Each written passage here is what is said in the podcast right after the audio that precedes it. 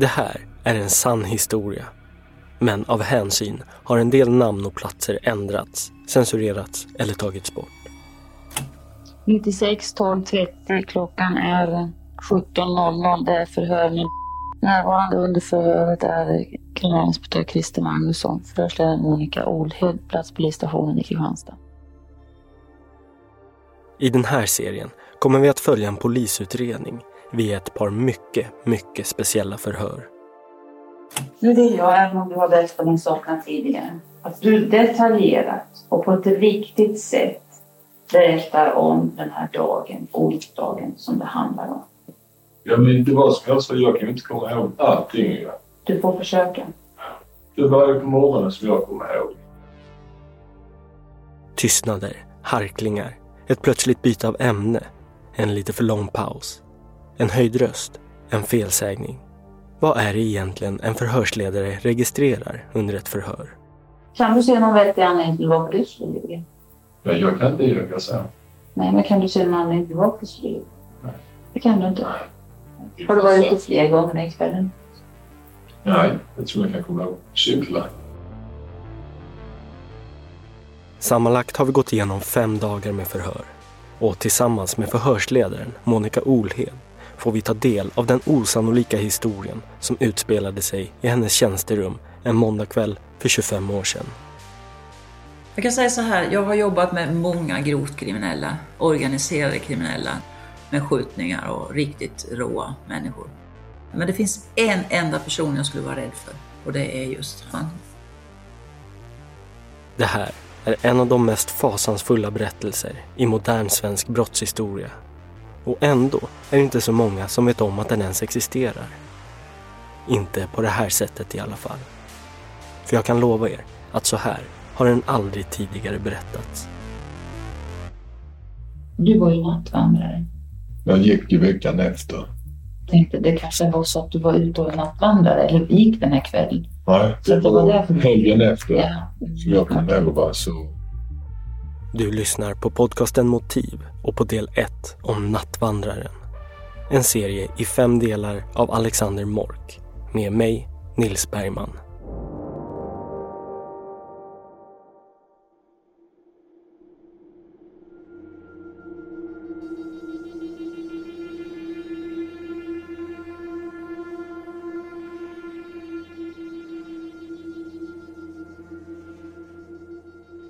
Som vi snart kommer att märka sker ett förhör alltid här och nu. Ja, kom in. Dörren stängs och förhöret börjar. Från och med nu har du konstant ögonkontakt med en person och varje fråga och svar hör ihop med varandra på ett delikat sätt. Och du som lyssnare kommer också kunna delta på samma villkor som förhörsledaren och den misstänkte och leva i nuet tillsammans med dem inne i det rum där förhöret utspelar sig. Du ska veta en sak, vi kommer in, inte med någonting till dig. Vad vi än vet, vad vi än har fått reda på. Oavsett det är folk som har pratat med oss eller om vi har teknisk bevisning så kommer vi ge det till dig.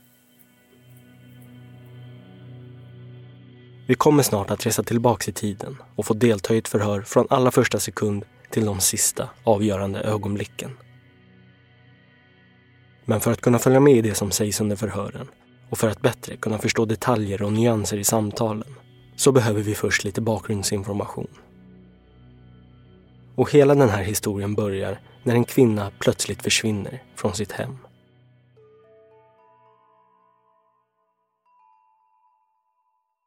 Året är 1996, närmare bestämt onsdagen den 18 december. Julledigheten närmar sig och kvinnan vi kallar Emily, en sjuksköterska i 30-årsåldern, har bara en arbetsdag kvar då hon lämnar sitt jobb på ett äldreboende klockan fyra på eftermiddagen. Hennes fästman Peter ringer klockan tio på kvällen och de talar i telefon i cirka 30 minuter innan Emily lite oväntat lägger på. Dagen efter, torsdagen den 19 december, arbetar Peter mellan halv nio och halv sex. Han går hem under lunchen och vid tolvtiden ringer han hem till Emily. Men hon svarar inte. Han försöker igen när han kommer hem klockan sex och en sista gång klockan tio. Men Emily svarar inte. Peter tänker att det kanske blivit mycket på jobbet eller att hon besöker sin mamma. Nästa dag, fredagen den 20 december, får Peter ett samtal på morgonen. Det är Emelies arbetskollega som säger att Emily aldrig dök upp på arbetet under gårdagen. Peter är framme vid Emelies hus vid kvart över nio på morgonen. Och väl där får han en klump i magen när han ser att Emelies bil står kvar på tomten. Varför svarar hon inte i telefon om bilen är kvar här? Ytterdörren är låst och inget tyder på att någon kommer för att öppna. Det är helt stilla i huset. Inga ljud alls. Peter går runt huset och tittar in genom fönstren. Allt ser normalt ut. Han söker sig bort mot sovrumsfönstret vid gaven på huset. Men det är för högt upp för att kunna se in. Han hämtar något att ställa sig på och ser in i en del av rummet. Han ser direkt att någonting är fel. Sovrummet är en enda röra. Han tänker att det hänt en olycka och han ringer till sjukhuset för att höra om Emily är där. Men det är hon inte. Utanför Emelies hus passerar en liten grusväg och 700 meter längre ner på den vägen ligger en lantbruksgård. Peter kör snabbt dit för att höra om de råkar ha extra nycklar till Emelies hus. Han träffar på två anställda i arbetskläder nere vid maskinstallen. En man i normal längd och en storvuxen man. Ägaren till gården ansluter och berättar att han inte har någon extra nyckel. Men att det finns ett fönster till källaren på baksidan av Emelies hus som hon brukar lämna öppet så att katten kan komma och gå. Peter åker tillbaka och tar sig runt på baksidan av huset. Och mycket riktigt så är det lilla källarfönstret öppet. Han pressar sig in med fötterna före och landar i Emelies källare och tar trappan upp. Han öppnar dörren till sovrummet. Sängen verkar krossad. Sänglakan ligger ihoprullade som en boll ovanpå resterna tillsammans med Emelies skinnjacka.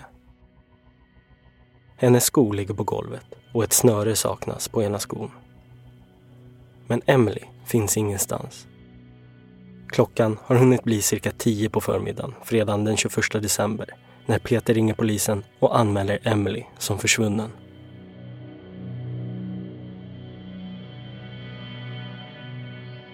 Det som händer det är ju att teknikerna kommer dit och gör en brottsplatsundersökning och innan det så klampar ju inte vi andra poliser in där och förstör några spår.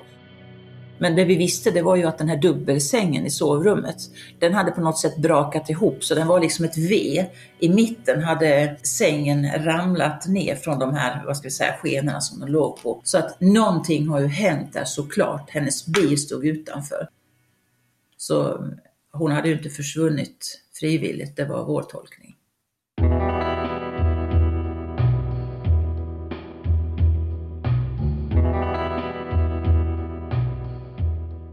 En av dem som var med och skötte utredningen om Emelies försvinnande 1996 är kriminalinspektör Monica Olhed. Hon var även förhörsledare och höll i de unika förhör som vi snart kommer att få ta del av. När jag började på kriminalavdelningen då, då började jag jobba med sexualbrottsutredningar och familjevåldsbrott. På den tiden fanns ju inte de här eh, brott i nära relation som de heter idag, de här grupperna som jobbar just med det här, utan det här hamnade på en så kallad våldsrotel. Och där fick jag mina första förhörsutbildningar och då var det ju klart att förhöra barn och det var ju videoförhör. Och jag måste säga att sen har jag efter det fått en hel del förhörsutbildningar och jag har ju läst en hel del böcker själv och psykologiböcker och sånt där. Men det var nog de bästa förhörsutbildningarna som jag fick då när jag jobbade med brott mot barn. Monica har en gedigen meritlista och efter 42 år i tjänst gick hon i pension för några år sedan. Under en intervju 2019 i TV4s Nyhetsmorgon uttalade sig Leif GW Persson så här om Monica som förhörsledare. Jag är svårt förtjust i henne. Ja. nej, det var lysande förhörsledare. Hon var en sån där som verkligen lyssnade på de som de pratade med. Det är alldeles för många dåliga förhörsledare. De är fullt upptagna med att skälla ut de där som de pratar med. Va? För de tycker så jävla illa om dem. Men hon var precis tvärtom.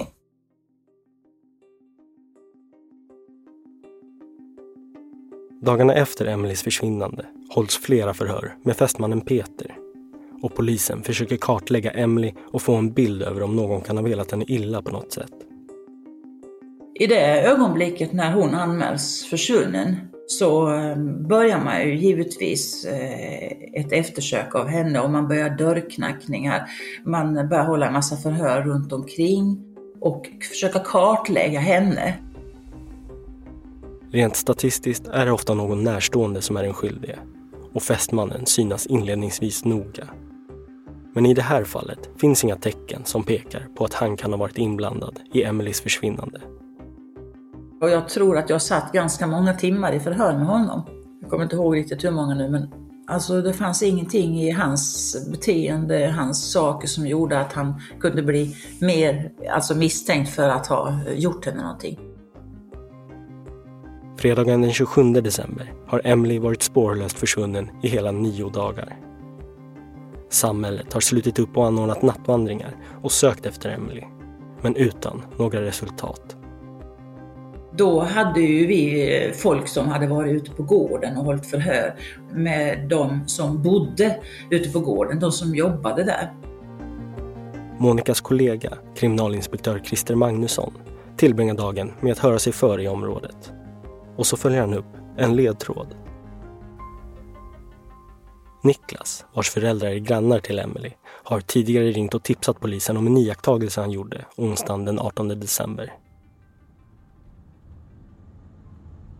Runt tio tiden den kvällen är grannen Niklas tillsammans med sin lillebror på väg hem till sina föräldrars hus. Niklas kör bilen och hans lillebror sover. Ungefär när de passerar Emelies hus möter de en lång, stor man på cykel cirka 30 meter från huset.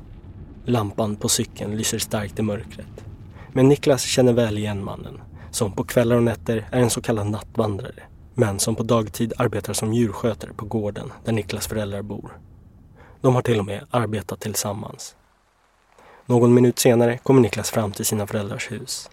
Hans lillebror vaknar och springer in i huset och Niklas åker tillbaka, samma väg som han kom.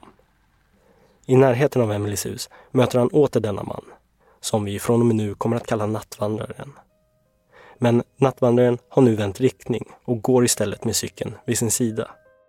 Kriminalinspektör Christer Magnusson har redan träffat den 35-åriga nattvandraren tidigare under förmiddagen han uppgav även han att han hade mött grannen Niklas under sin cykeltur.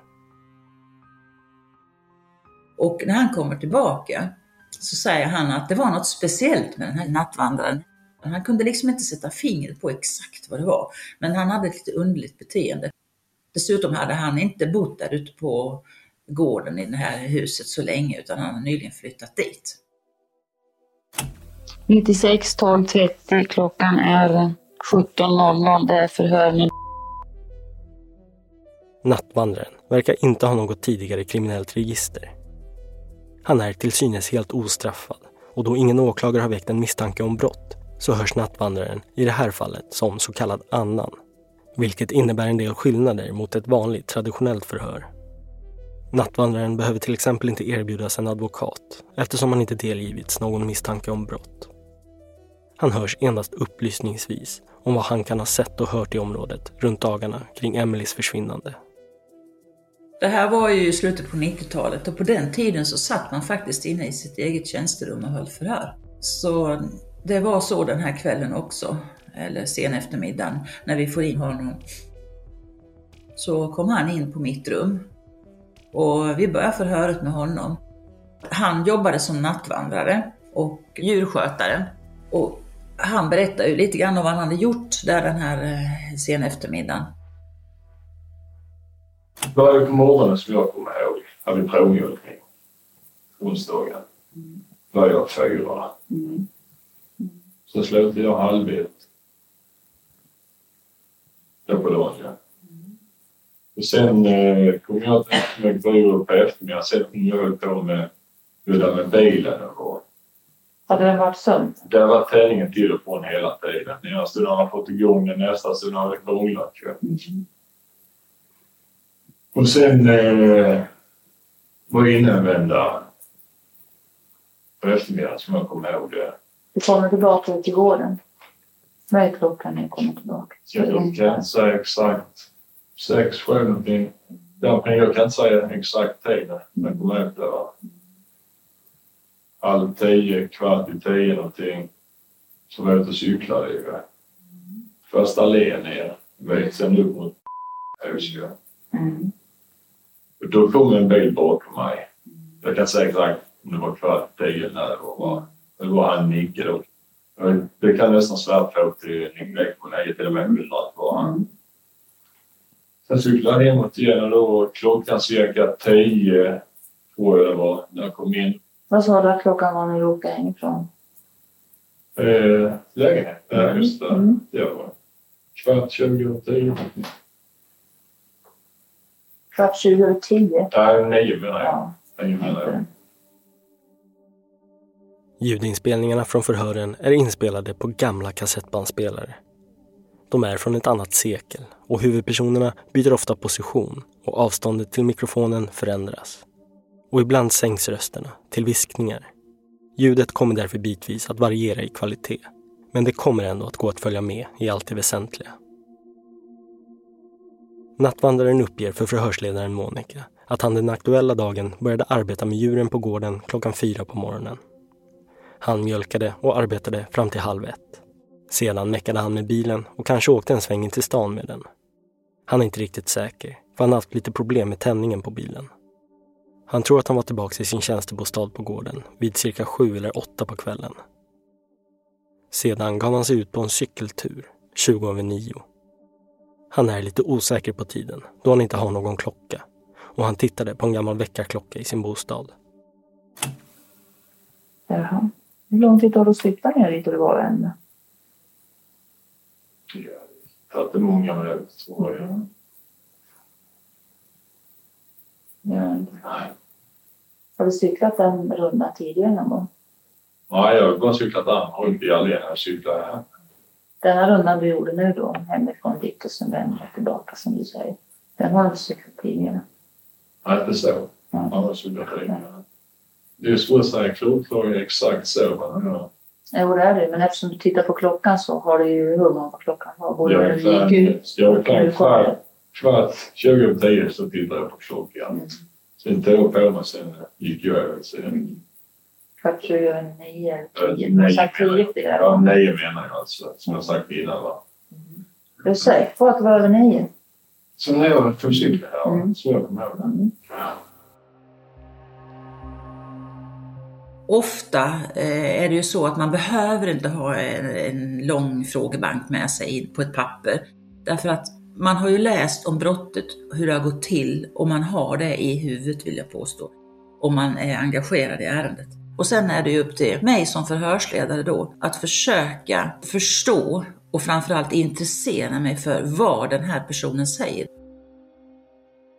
För den som sitter i polisförhör kan det ibland vara problematiskt att komma ihåg vad man har gjort ett visst datum. Förhörsledaren för därför hela tiden anteckningar för att hålla koll på om den misstänkte försöker undanhålla information eller helt enkelt inte minns. Som vi har hört tidigare pratade Emily i telefon med fästmannen till cirka halv elva på onsdagskvällen den 18 december. Och när han ringde dagen efter svarade inte Emily i telefon. Sedan dess har ingen sett eller hört något från henne. Så polisen misstänker därför att hon försvann från sitt hem någon gång efter halv elva på onsdagskvällen. Men vad var ditt mål den här kvällen med att bli pigg då? Har du något särskilt du skulle göra? Nej, jag känna mig lite piggare på stunden. Brukar du ofta vara ute och cykla? Ja, det är nu. Men annars när jag bodde här cyklade jag mycket. Var inte ute och cykla? Ja, men det var som jag sa, ett år sedan hade jag ficklampa med mig. Ja. Så att jag ser annars så är jag Vad hade du ficklampan? i näven. Var det inget annat uppehåll på vägen? Nej, det var väl den jag ner när jag vände och stannade till lite. Sen cyklade uppåt igen ju. Stanna till, men du stannar till bara för att vända väl? Ja. Varför det? Ja, för jag ville det. Får man inte göra det? Ja. Jo, jag frågar bara Ja. varför. Därför jag blev bilägare sen när jag cyklade vidare. Ja, så du stod vidare upp i backen? Mm. Stod du där länge då? Det kan vara ett par minuter max Ja. också. Hur såg du Det var tänt. vad? Ja, som jag vill ha det till, som jag nu ser, så det ut som att det var en kyl, frys och kombinerad. Men vi kunde se att det var en kylfrys eller så. Därför jag tittade till då när jag kom cyklande in på ju. För att eh, de gånger man kom förbi där man flyttade, flyttade in så det var tänt någon gång. Sen var släckt kanske en eh, två, tre, fyra dagar ibland. där Den var tänd ett antal dagar.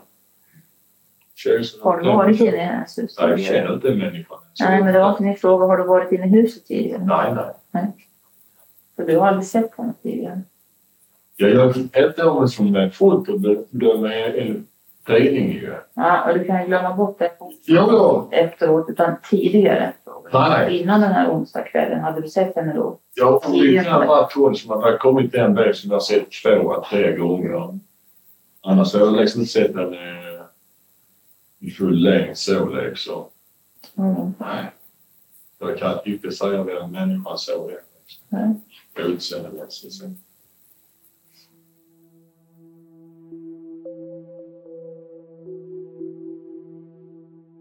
Nattvandraren berättar att han alltid använder en ficklampa som lyser och att han såg att det lös inne hos Emily. Att han såg ett kylskåp i köket när han passerade med cykeln. Nattvandraren uppger också att han inte känner Emily eller vet hur hon ser ut.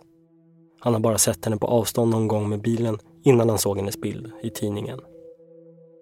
Och det visste vi ju att han hade ju kört förbi där ju. Så att han borde ju ha sett henne. Min uppfattning är ju att när man håller ett förhör och får en misstänkt att förneka någonting, då är det dubbelt så jobbigt att hämta hem det. Få tillbaka honom på scratch så att säga. Så eh, jag tänkte att jag låter det vara lite grann. Var sa du att Niklas körde förbi dig? Du sa att Niklas kommer köra förbi dig. Det hörde jag väl komma bakifrån. Då gick jag och ställde mig vid vägkanten och cyklade. Mm. Så han kunde köra bil.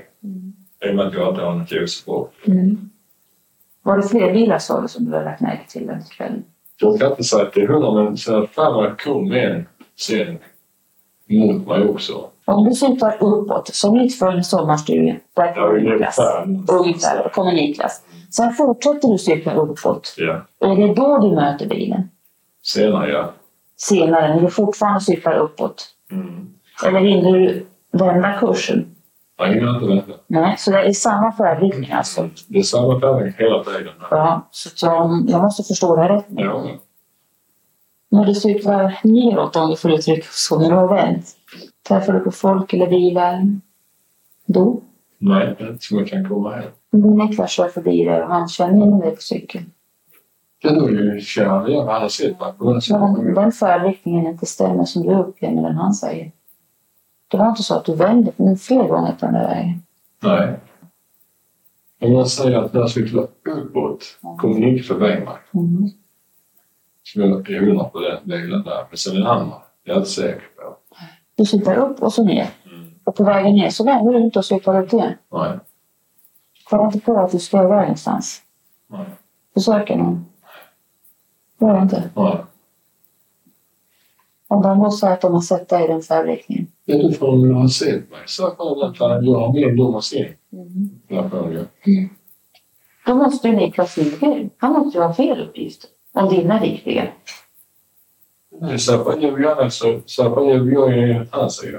Ja, men vem ljuger? Du vet vem du ljuger. Jag ljuger inte. Nej, men då är uteslutningsmetoden att Niklas ljuger. Ja. Kan du se någon vettig anledning till varför han skulle ljuga? Det kan jag inte säga rakt så. Kan du se någon vettig anledning till varför du skulle ljuga? Men jag kan inte ljuga så. Nej, men kan du se någon anledning till varför du skulle ljuga? Nej. Det kan du inte. Hur skulle det ändå vara nu då om det var så att eh, misstankarna börjar riktas mot dig här på någonting? Ja, det vet jag inte. Hur skulle du själv känna? Ja, det är inte roligt ju. När man är misstänkt för någonting liksom. Det- Jag har inte drivit dig misstänkt. Nej, men jag, nej, nej, nej, jag säger att eh, om man är misstänkt för någonting, det, det är liksom inte roligt. Va?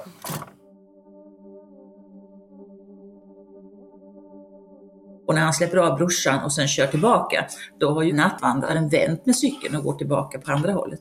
Och när vi nu tar in nattvandraren till förhör, han förnekar ju den här cykelturen. Och det var ju märkligt i sig. Och sen så blev han ju lite, eh, vad ska vi säga, förbannad på polisen. För han menar på det att varje gång det händer ett våldsbrott så kommer polisen till mig. En bit in i förhöret händer något oväntat och förhöret ändrar snabbt karaktär. Som jag sa till dig innan så stämmer inte den berättelsen. Nej, det är ju... Andra saker. Han är berättat, så jag vet inte vad det är. Och det är inte jag som ska rätta din berättelse, utan det får du göra själv. Men kan det. Nej, men därför får du tänka efter. Du får ju fundera vad som verkligen har skett den här onsdagen. Jag säger, jag kommer inte ihåg alltihopa. Varken onsdagen, torsdagen eller fredagen. Så. Exakt tillslag, det Du kan kanske komma ihåg vad du gjorde mer än det du har berättat. på onsdagen. Jag kommer inte ihåg mycket mer därifrån. Jag vet inte. Nej. Det är konstigt. Folk påstår andra saker om dig. Ja, då får de gärna påstå det. Jag är van vid det mesta så. Eller Ja. det folk som har påstått saker om dig tidigare? Det kan vi ta upp här nu. Jag vet, eh, du har kollat upp det eller? Nej, 76, 77 kan Mm. jag säga rakt ut så var jag, lite på fyllan. Våldtog på tjejer ett par gånger. Våldtog du ett par tjejer ett par gånger? Men sa du? Mm. Inte båda ett par gånger utan det var två olika tillfällen? Ja. Ja. Jag åkte dit för. Var det två olika tillfällen? Ja. Mm. Så åkte jag dit för det. Det som jag säger, jag är bra i utpekande. Mm. Det blir som typ sådana här grejer. Va? Men det, du kanske inte utpekar på samma sätt nu? Nej, det vet jag inte. Va? Vissa gånger känns det jobbigt. När det gäller så att det händer något sånt här, våldtäkt någonting. Ska polisen komma? Ska polisen inte komma? Va? Det har jag fått leva med sedan dess. Har du väntat på polisen nu också? Nej, det har jag inte gjort. Hur är det med våldtäkterna som du nyfiken med? Ja, det var den, om jag kommer ihåg rätt, den första. Jag skulle gå till en eh, prostituerad. Du skulle åt? Ja, jag hade ett par sådana uppe i Halmstad. Sen var man lite spritpåverkad, alkoholpåverkad ju. Jag kommer inte ihåg exakt, men jag har jag hoppade på hon den ena. Då, sen då, eh, hade hon väl en kille som skydd. Visst. Det gick till socialen, det som blev mussan, polisen där.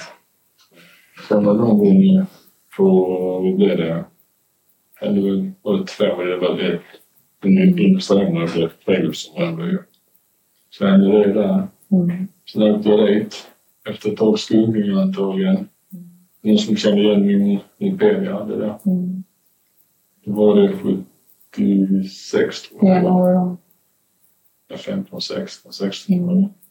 Just det, för att jag hade försökt att glömma helt och hållet. Eller att man blev påmind emellanåt ju. Är det obehagligt att minnas? Det vet jag inte. Jag har inte tänkt på det, i och med att man har försökt glömma allting. När han var 16 eller 17 år så begick han en del eh, brott mot kvinnor. Och då eh, menade han på att jaha, det är därför de kommer till mig alltid. Och det här var så länge sedan sa han. Och att efter det så hamnade han på Sankt Lars i Lund. Men visste du det här när förhöret började? Visste ni om hans ungdomsregister? Nej, han berättade själv i förhöret, just därför att han, han blev lite förbannad. Jo men det är, polisen kommer till mig alltid. Jaha, varför då? Ja, därför att jag gjorde det här, om det nu var, ja när han var 16 eller 17 år. Och det här kände vi inte till. Och vi hade ju slagit på honom i våra register, men de gallras ju efter ett visst antal år. Så får man ju liksom gå på djupet sen och det, det ser man ju inte vid första slagningarna. De brotten nattvandraren nu berättar om skedde när han var i 16-årsåldern, alltså bara ett barn i lagens mening. Och därför varken dömdes han eller utdelades något straff. Så utåt sett är han i vuxen ålder en tidigare ostraffad man utan något synligt brottsregister. Informationen om nattvandrarens grova ungdomsbrott blir alltså helt ny information som Monica måste väga in i förhöret här och nu.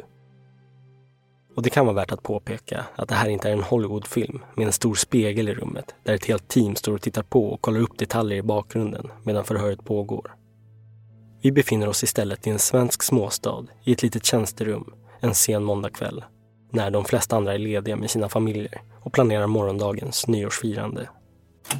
Du berättade till exempel för mig om den prostituerade som du våldtog. Ja, jag hotade inte, jag hotade henne liksom. Det blev ju... Kanske la jag kniven åt sidan. Ja, men, men Ja, nej, det var- vi, har inte, vi har inte pratat Nej, om den händelsen du och det- jag. Jag bara tänker på sådana händelser. Det var ett tag som jag vill minnas det allra första jag var med om. Men eh, då de här våldtäkterna, då bodde du fortfarande kvar hos mamma? Det var hemma. Ja. Var hittade du henne då? Alltså i samband med att du begick den här våldtäkten? Alltså så en tjej springande på mig. Alltså hon var ute och löpte eller jobbade? Jaha. Hur gammal var hon? Ja, hon kan vara svårt att säga om den på 20-25 till minst har varit den ena. Sen har det varit några i åldrar. Men hur fick du tag i henne? Nej, jag stannade längre fram, körde, körde här uppe och stannade längre fram. Jaha, på löparband. Ja. Men vad hände när hon kom fram? Du pratade med henne först eller gick du på henne? Jag har för mig att prata med henne först. Mm. Men vad hände sen då? För jag menar, om du genomförde en våldtäkt, hände den på löparbanan när du fick in henne i terrängen en bit? Eller? Det kan jag gärna inte med exakt vad man säger. Våldtäktsbrott. Men hur fick du kontroll? Det, det blev ju ingen fullbordad våldtäkt. Nej, nej, men hur fick du Men hur fick du kontroll över henne? För jag menar om du ska göra en våldtäkt och tjejen vill springa vidare, du måste ju på något sätt ha fått en fysisk styrka eller använt någon form av, eh, vad ska jag säga, man kan göra på många sätt. Man kan ju hota med en kniv och man kan ju slå till dem och man kan ju... Som jag kommer ihåg så, men inte exakt i detalj, så fick jag väl tag på henne. Va? Men det liksom kommer ihåg det, kan det så pass länge sedan. Det är sånt där som jag har försökt att Då försöker glömma det. ja, glömma gå vidare. Ja. Men även om man har gjort sådana här saker så eh, visst, det är ju saker som man inte vill påminnas om kanske i liv. Det, det jag vill påminnas om hela mitt liv. Va? Nej. Det är liksom, man har försökt men kom ihåg liksom exakt detaljer. Då får jag ha uppskrivet. Men vissa saker, även om man inte kan komma ihåg allt så kommer man säkert ihåg vissa saker. För det är saker som är jobbiga för en, som har ställt till problem för en. Men vad hände sen nästa? Det, var det långt efteråt eller? Ja, det är svårt att säga exakt. Det får ni fråga polisen om. Ja, nej, men ungefär. Handlar det om några dagar eller var det några år? Eller? Nej, nej, månad. det- Men var den också på samma ställe? Det var samma område. Mm. Men bara en bit från på andra sidan. Ja. E6, en tunning mellan E6 och Stenberg. Men hur gjorde du den gången då? Så fan man sa att jag har tappat på nycklarna här. Kvinnor glömde mig det. Mm. Men Mm. det var ingen våldtäkt alls. för Jag kom ju motstånd rejält. Mm. Det var på den här gången förra hon skrek rätt rossligt och slogs. Ja. Det försvann igen. Jaha. Var det på dagen eller kvällen? Det var på dagen. Mm. Sen var det fler sådana här händelser som du berättade om tidigare. Mm. Som jag kommer ihåg så inte den anmäld i varje fall. Mm. Som jag kommer ihåg, jag är inte säker. Men hur fick du kontroll över den här kvinnan? Ja, hon gjorde inget motstånd alls. Det var att hon var rädd och... Hon var rädd. Ja, man- Ska man, om man gör en våldtäkt så måste ju det så att säga vara att man får kontroll över offret. ja. Och det kan man Det få på jag många inte sätt. komma ihåg exakt allting. Nej, inte exakt. Nej, jag kan ju ha sagt det jag inte kommer ihåg just nu. Men det man snackar vi så mycket om detta. Va? Monica Åhlén. Hej. Ja, ja, ja, jag tar ett förhör. Mm. Mm, hej. Det är liksom kommer ihåg exakt vilken det var om gången har slagit det...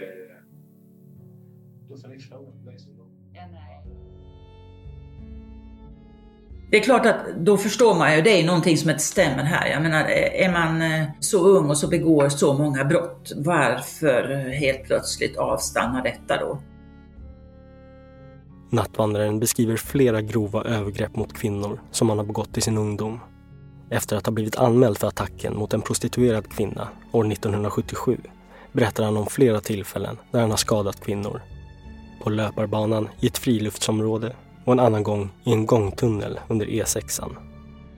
Han berättar att han stoppat en kvinna på cykel och låtsats att han tappat sina nycklar. Men hon började snart skrika så han avbröt övergreppet. Men han är inte riktigt säker på om det brottet någonsin anmäldes. Man får ju ha en icke misstänkt i sex timmar max och ytterligare sex om det finns synnerliga skäl. Men här var ju ingen åklagare som var förundersökningsledare, för vi hade ingen misstänkt och då är det polisen som leder förundersökningen. Och våran förundersökningsledare, Per-Åke Åkesson, kallad för Pelle, han var ju så kallad FU-ledare. Så nästan sex timmar satt vi i förhör med honom. Monica fokuserar på att få fram en bakgrundsbild av den 35-åriga mannen. Vem är denna nattvandrare egentligen? Reagerar så? Varför känner du att du måste våldta honom? Det vet jag inte. Det hände då. Det har jag inte gjort nu, men sen dess.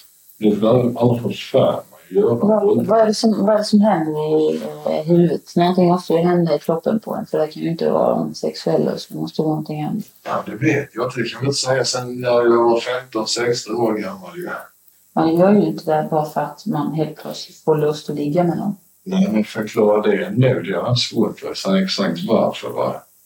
Jag kommer inte ihåg mycket. Alltså, så sett från den tiden så mycket i mitt huvud. Va? Och då, då, det kan jag inte eh, komma på. Det kan jag inte komma på. Vad hände efter du hade genomfört våldtäkten? Kände du ingen skuldkänsla? Kände du inte att det var någonting som var fel? Nej, inte som jag kommer ihåg. Det var något för men jag kan inte komma ihåg liksom att det var helt åt helvete fel. Va? Det kan jag inte Var det tjejer du kände innan då? Eller? Nej. Det var inte? Nej, någonting. Mm. Det pratade vi på nere på Sankt Lars, ungdomskliniken då 77 tror jag var. Kom dit ju. Då pratade vi, jag kommer inte ihåg mycket från det. Vad de kom fram till. Va? De frågade ju om eh, det här med nakenhet hemma. Det var morsan som ställde när vi var på Efter våldtäkterna 1977 så placeras nattvandraren på en ungdomsklinik under fyra månader. Han kan inte minnas så mycket om vad de pratar om där och han har försökt gå vidare och försökt glömma det som hände. Vad hade hänt om de hade gjort motstånd? Ja, det vet jag inte. Du kan ha blivit arg, det vet jag inte. Va? Att risken finns ju att man har blivit arg, liksom arga. Va? Men sen har man kanske blivit så pass så att man. Vad fan nu va? Men har du aldrig försökt antasta någon eller ofört någon? Eller Aldrig. inte blivit anmäld? Jag blev anmäld då i ett, tror jag det var. Det var när jag gick avbytarkurs så hade morsan fått ett eh, brev från polisen. Så det var jag och morsan öppnade. Då bodde jag hos en familj jag hade jobbat på Söderna. Jag var fullständigt placerad på stund där. Började babbla. Ja, samma visa igen. Misstänkt för våldtäkt. Jag bara åkte Halmstad. Pratade med kriminalarna där. Jag hade med mig min övervakare. Blev ett jävla käftande. Jag sa, jag är en god. Du släng fram bevis, sa jag till dem. Ja, men du är utpekad på fotona, sa de till mig. Det var jag också ju. Men eh, det ledde till någonting de kunde bevisa. För tiderna stämde inte jag, som tur var så hade jag ett foto som jag hade skägg på då. Tagit i samma veva de här våldtäkterna hände. va. Och kläderna jag hade stämde inte alls med vad de hade beskrivit. Så då blev fria. Va? Men då fanns misstanken hela tiden mot mig ändå. Va? För det hände ett par gånger senare också våldtäkter. Så var det vissa poliser som kände igen mig. Så att de, de såg innan de kollade mig. Vad hände när du spydde kroppen? Ja, jag blev nästan eh, lugnare än, än utan. Men blev du arg? Ja, det är ju eh, rätt fel provocerad för någonting. Då blir jag förbannad säger jag. Men det är mycket sällan här att jag blir arg. Hur blir det när du blir arg? Ja, bara på liksom på, på vad som händer. Är det som bråka med mig, då jag står inte på målstryk om man säger så. Mm. Jag får mig en smäll kan jag inte klappa tillbaka. ju. I och med att jag fick man ju läsa mig vad som vakt. Det var ju två tvåsmällar. Har du slagit på tjejerna? Det var bara eh, jag våldtog uppe i Halmstad. Hur slog du honom som du våldtog? Slå med knytnäven.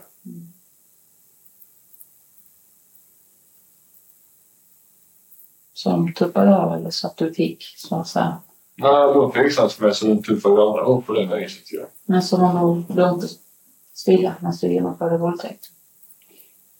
ja, lugnt och stilla. Det är... Var det för att få dem att så att säga känna rädsla för att du skulle kunna genomföra det du hade tänkt dig? Det vet jag inte. Det vet jag inte. Jag skulle behöva göra en sak. Mm. Kan vi göra ett litet, en liten paus? Ja.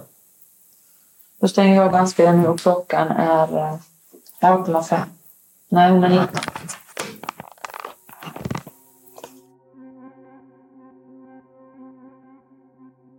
Efter ungdomskliniken får han inte flytta hem till sin mamma igen utan lever istället hos en fosterfamilj under ett år innan han lämnar för att göra lumpen. Då han arbetat med djur under sin tid hos sin fosterfamilj tar han sedan arbete som djurskötare och kör de kommande åren djurtransporter i västra Sverige. Förhöret har pågått i två timmar och i och med att man fått mer information om mannens våldsamma bakgrund så fattar man ett snabbt beslut under pausen. Under den här tiden, tänk nu på att detta är alltså dagen innan nyårsafton. Där är semestrar, folk är lediga, så det är dåligt med personal. Detta är på kvällen, alltså någon gång mellan 17 och 22, så kommer vi fram till att vi behöver göra en husrannsakan i hans bostad. Och att göra en husrannsakan så dags på kvällen hos en icke misstänkt, det är också ett ganska tufft beslut, eller var då i alla fall. Och då hade vi två spanare i vår grupp som var eh, ja, lediga, var synd att säga, men som åkte ut till nattvandrarens bostad och påbörjade en husrannsakan. Samtidigt som en patrull är på väg hem till nattvandraren för att göra en husrannsakan så återupptas förhöret. Monica återvänder till Emelies försvinnande. Hon vill veta mer om hur nattvandraren har använt sin bil under dagarna runt hennes försvinnande. Jag har inte kört med bilen sedan förra helgen. Har du lånat ut en bil till någon? Nej. Har du inte? Nej. Så om din bil har varit och kört så är det du som har kört den? På torsdagskvällen där. Ja, överhuvudtaget. Och torsdag. Nej, det är ingen som lära min bil. Inte kunnat köra här. Nej. Du har inte kunnat köra den? Till och från har jag kunnat köra den också, Ja. men det är alltså ingen annan som har kunnat köra den. Nej. I och med att jag har nycklarna inne. Men om din bil har varit ute så är det du som har förflyttat den. I så fall ja. Mm. Men torsdagskvällen kan jag inte komma ihåg. Det kan du inte. Är det något särskilt som att du ska komma ihåg det torsdag? Ja, men torsdagskvällen jag kan inte säga exakt vad jag gjorde direkt efter arbetet. Nej, men jag frågade om det är något särskilt som gör att du inte kan minnas det. Nej, det är inget speciellt. Eller inte? Det är, det är ju lätt att glömma någon sak. Ja, därför gäller det att du tänker efter ordentligt nu om du har ute och kört bil. Ja, men jag säger jag kan. Men man fundera en stund. Tänk, Jag- tänk tillbaka till torsdagen. Jag tänker på torsdagskvällen där. Om jag var iväg eller inte direkt efter arbetet. Du vet ju vilka dagar vi pratar om. Jag onsdag, torsdag, fredag. Ja. Och det är inte så vrålänge sedan, eller hur? Nej, det är inte. Nej. Och det är speciella dagar också. Det var någon som försvann bara. Ja, det vet jag. Det vet jag. Det här gör ju kanske att man minns extra noga just de dagarna. Ja, men det är lätt att glömma ändå ju. Jo, Ja. visst. Men vissa saker är kanske lite svårare att glömma om man inte det. Ja, ja, ja, ni får anklaga mig på vad fan ni vill för jag säger rakt ut.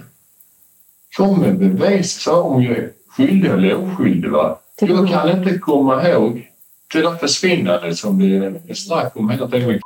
Jag kan inte komma ihåg exakt minut för minut. Men det finns vissa saker du har gjort de här dagarna som du inte brukar göra varje. Ja, det vet jag. Vad det är liksom syftar på där. Det är, så jag kan komma ihåg. Jag sa, jag vet inte vilken tid det var, men var fan, man var ute någon gång prova bilen.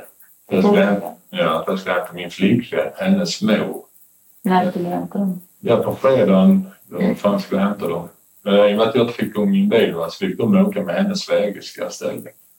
Din tjej som du är ihop med nu, jag har varit ihop med henne. Ja, vad fan blir det? är det en och en halv månad, två månader någonting. Jag har inte så exakt koll på det. Datum och sånt. Hur är relationen ni då? Ja, nej, det är väl rätt jobbigt på det viset att jag jobbar, har jobbat så pass mycket, kommer jobba som hela januari. Då träffas vi inte så mycket när hon är barnledig. ju. Är hon barnledig? Ja, alltså varannan helg. ju. Har hon ju sina barn ju. Mm. Och då träffas vi inte så mycket ju. Ja, så hon har fina barn? Två stycken. Hur gamla är? Han är sju och eh, fyra. Hur skulle din tjej, tjej reagera som man då hon fick reda på den våldtäkten? Nej, jag tror inte hon skulle nog inte bli glad första stunden jag inte. Det blir inte roligt.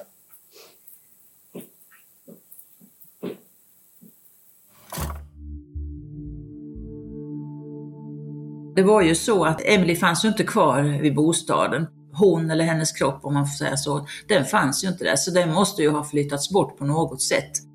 Och eftersom vi inte alls tror att hon försvann frivilligt så har ju någon rövat bort henne. Död eller levande. Det fanns ju hjulspår, för det var ett tunt, tunt snötäcke på marken när det här hände. Det börjar bli sent på kvällen och de sex timmarna som polisen kan hålla nattvandraren är på väg att ta slut. Inne på Monikas tjänsterum börjar nattvandraren att rita upp var han bor och vilka utrymmen han har tillgång till på lantbruksgården. Så är vi här någonstans. Så är det en lägenhet där ju. Så bor jag i denna lägenheten. Nu går här i vägen. Det är Det Sen ligger jag hans hus här själv. Så har jag min bil här stående här vid. Är det någon garagebyggnad med? Ja, det är bara ett litet uthus där. Ja. Mm. Står den alltid där? Ja, den sista tiden har jag haft den i garaget. Garaget? Var är garaget här då? I verkstaden. Ja men, Ligger här vid. Då ligger så här med här vid nästan. Mm. Där skulle jag låta den tina upp men den startar ju inte. Sen när blev det kallt eller sen när har du ställt i det? Ja, vad fan blir det? Den. Det var lördagen eller söndagen drog vi in bilen i verkstaden. Är det lördagen och söndagen efter de här dagarna? Ja, fan, var lördagen vi jobbade. Alltså efter den här onsdagen, torsdagen och fredagen som vi pratar om här. Ja. Mm. Så på lördagen efteråt så ställer vi in bilen här i garaget. Är det bara ett garageverkstad eller någonting annat här inne också? Det är bara verkstad. Ja. Är det det hela byggnaden? Nej, sen de andra bilarna det är ju andra utrymmen. Vad är det för någonting då? Ja, vad fan är det? Förrådsutrymme, typ eh, material. Materialförråd? Vad fan det kan det vara? Jag har inte varit inne och tittat så noga. Ja. Så där är ingenting annat? menar? Ja, sen har vi nog utrymme där vi har en båt, men det är i samma En båt? byggnad. Ja, som vi flyttar småkål med. Som vi kopplar till hjullösna. Mm. Till lyftarna på det. Så där har vi stående där med. Vad är det här för någonting förresten? Så, det är lilla uthuset. uthus Ja. som du disponerar? Ja. Vad finns det där inne? Ja, då har jag lite trädgårdsmöbler, har lite papperskassar, har lite Ja. några tomflaskor, några burkar och Mm. lite annat skräp. På torsdagskvällen var du skulle se om bilen startade. Fick du igång den? Nej, jag fick inte igång det. Vad var det? Ja, antagligen så har det varit tändningen som spökat hela tiden. Som vi, innan har jag bytt då batteri som har bytt fördelarlok, brytare, tändkablarna. Så funkar ett tag efter det, men sen har börjat spöka igen. Så jag misstänker att det är rotaxeln där Mm. som är kaputt. Vad har du gjort där? Ja, jag har skrotat bilen När skrotar du bilen? idag. När blir det, när blir det körkort på den? Vad hade du för siffra på den? Nej, det är nästan imorgon. Så jag blir köpa bilen imorgon. Ja, kom in.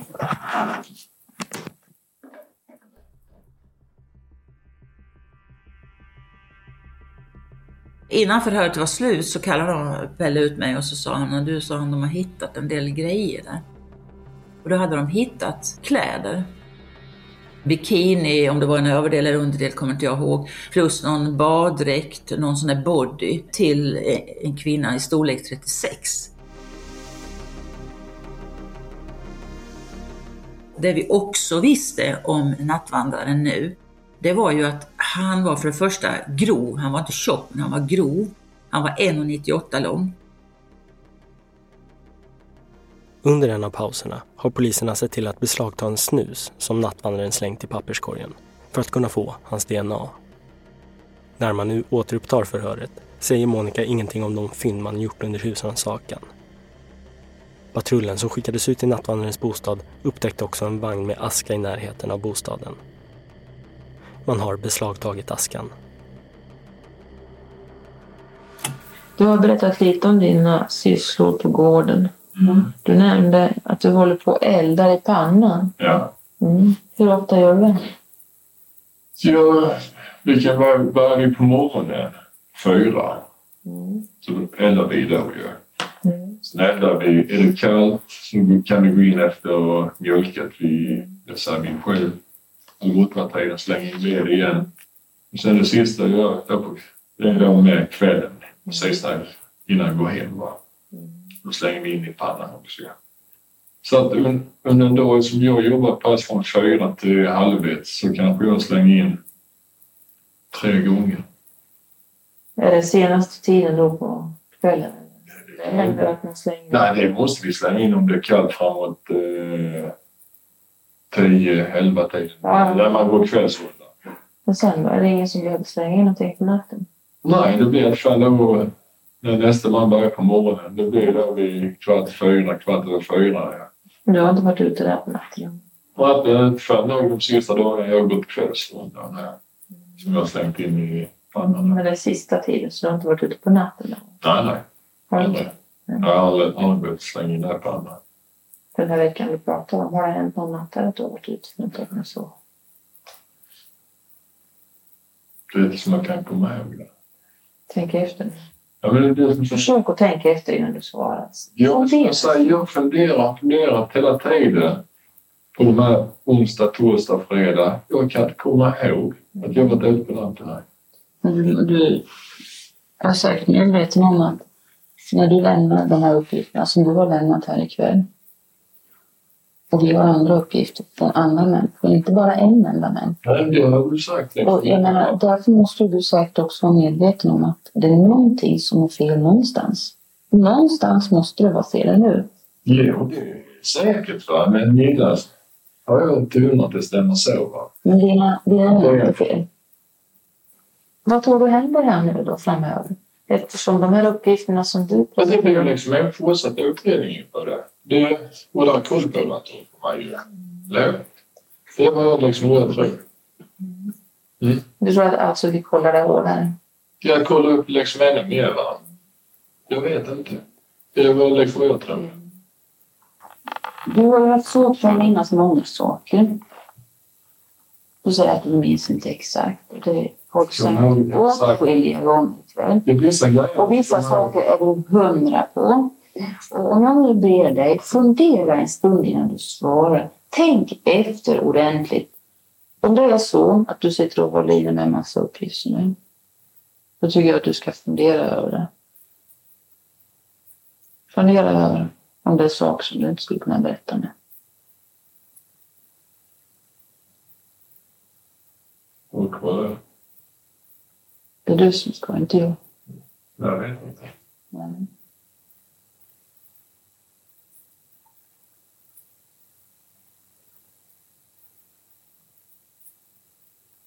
Nej, jag vet. Jag vet inte vad jag ska säga. Jag har mina versioner. Har jag fått era där. Och Det är du, liksom ord mot ord. Det är så. och du vill inte presentera någon annan. Jag har ingen annan. Då gör vi så att då avslutar vi förhöret nu och klockan är 22.55. Om inte du har någonting mer du vill fråga om? Nej. Mm. Det är vad som händer just Ja. Nej, men då avslutar vi.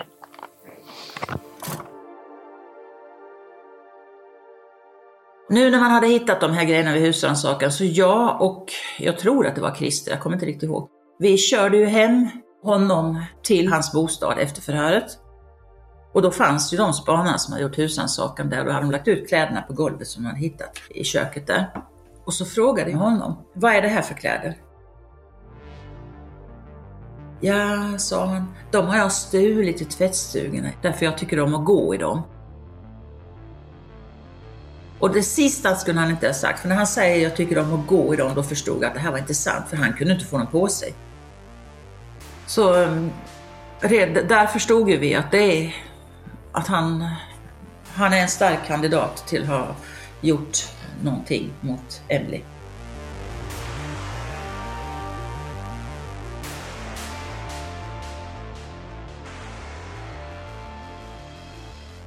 Du har lyssnat på podcasten Motiv och på den första av fem delar i serien om Nattvandraren.